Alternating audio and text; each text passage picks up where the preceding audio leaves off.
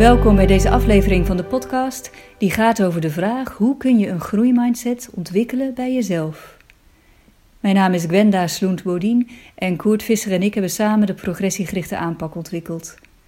We geven trainingen in progressiegericht coachen en leiding geven en we schrijven boeken en artikelen. Regelmatig stellen deelnemers in onze trainingen de vraag: hoe kan ik een groeimindset ontwikkelen bij mezelf? Want ik zie de voordelen ervan, maar ik ben vaak zo kritisch ten aanzien van mijn eigen functioneren. En dat gaat gepaard met negatieve emoties en het kost me energie. Kritisch zijn op jezelf, dat gaat gepaard met een beoordelende state of mind. En als je jezelf aan het beoordelen bent terwijl je aan het leren bent, doe je twee moeilijke dingen tegelijkertijd. En dat gaat vaak gepaard met minder aandacht voor het leren. Je zit jezelf in de weg qua emoties, want jezelf beoordelen en bekritiseren roept spanning op. En je bent tegelijkertijd van jezelf aan het vragen om dat hele moeilijke nieuwe ding te leren. Beoordeling van onszelf gaat vaak gepaard met zelfbewuste emoties. En zelfbewuste emoties zijn regelmatig niet positief. Heel veel dingen die we doen, die doen we zonder dat we ons zo bewust zijn van onszelf. Maar zodra we ons gaan focussen op onszelf, op onze eigen gedachten en op onze eigen gevoelens, dan worden we ons bewust van onszelf. En zelfbewustzijn betekent dat je je bewust wordt van je privéervaringen. Als je in een staat van zelfbewustzijn bent, dan kan dit tenminste de volgende drie effecten hebben op hoe je je voelt. Als je je bewust bent van jezelf, roept dit een evaluatieve manier van denken op. Je gaat je huidige gedrag vergelijken met een maatstaf die je zelf hanteert. Je neemt jezelf als het ware de maat. En omdat mensen zelden volledig aan de standaards voldoen die ze voor zichzelf hebben gesteld, roept zelfbewustzijn vaak negatieve emoties op. En dat is een logische consequentie van het falen om aan je eigen standaards te voldoen. En dat werkt nog sterker zo wanneer mensen de perceptie hebben dat ze niks kunnen veranderen aan de discrepantie tussen hun huidige gedrag en hun eigen maatstaf. Zelfbewustzijn roept emoties op. Zodra mensen nadenken over hun motieven, ervaringen, tekortkomingen, kortom over zichzelf, dan roept dit emoties op. Soms zijn periodes van intensief nadenken over jezelf ook een voorbode voor depressieve symptomen. En ten derde, zelfbewustzijn verandert je emotionele ervaring. Als mensen zich van zichzelf bewust zijn en zich focussen op hoe ze zich voelen, dan versterken ze diezelfde gevoelens. Dus nadenken over wat je nu fout doet, roept negatieve emoties op.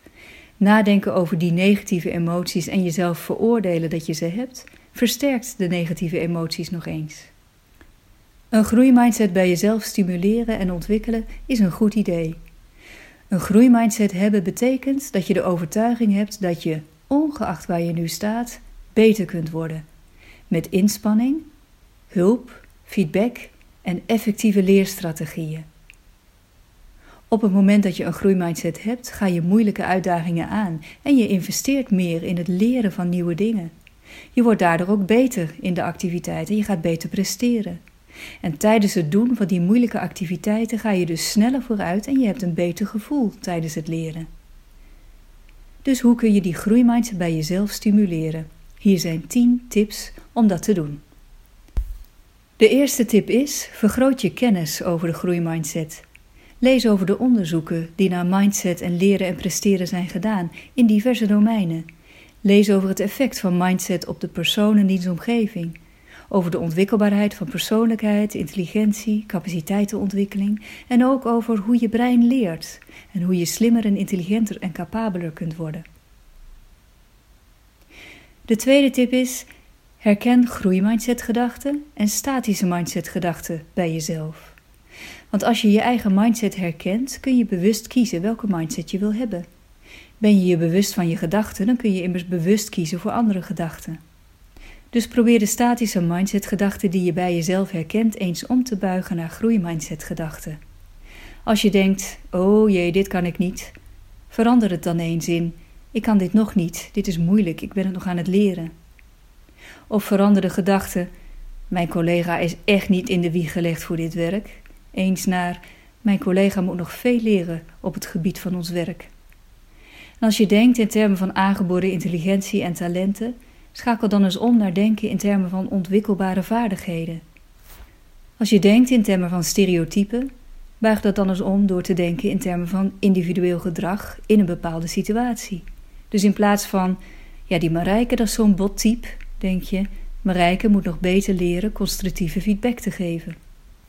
Tip 3. Reflecteer eens op waar je nu goed in presteert, terwijl je vroeger dacht dat je er niet beter in kon worden en dat het niet zo bij je paste. Dus een activiteit of een vaardigheid waarvan je zegt: Ja, dat doe ik nu eigenlijk heel goed, of daar ben ik eigenlijk wel heel tevreden over, daar ben ik echt goed in geworden. Terwijl je vroeger dacht, of terwijl vroeger mensen tegen je zeiden: Nee, dat past niet zo bij jou, dat kun jij niet, daar heb je geen aanleg voor. En als die activiteit je weer te binnen is geschoten, of die vaardigheid, reflecteer dan eens op vragen zoals: Wat heeft met name goed voor mij gewerkt om er beter in te worden? Hoe heb ik dat voor elkaar gekregen om het toch goed in de vingers te leren krijgen? Hoe heb ik het aangepakt?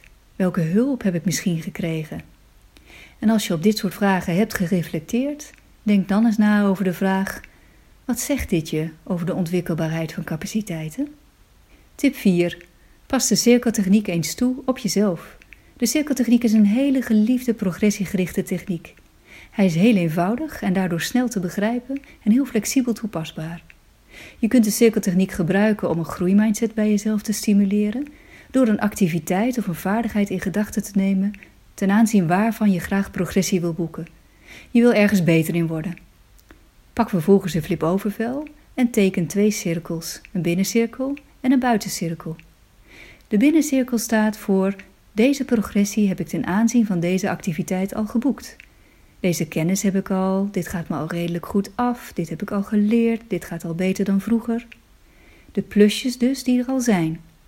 In de buitencirkel komen die dingen te staan die je graag wil verbeteren ten aanzien van deze capaciteit en vaardigheid. Dus waaraan zou je merken dat je er nog beter in aan het worden bent? Wat zou je nog graag willen verbeteren en leren? Deze focus op bereikte en verder te bereiken progressie is een hele goede tegenmaatregel tegen een statische mindset. Je aandacht wordt namelijk getrokken naar het proces en naar je eigen gedrag. In de biddencirkel, wat heb je al gedaan wat goed heeft gewerkt? Wat heb je al geleerd? En in de buitencirkel, wat zou je graag verder willen bereiken en leren?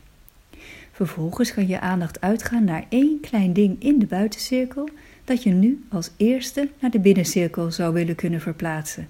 En denk vervolgens dus na over hoe je daar een kleine stap in kan gaan zetten.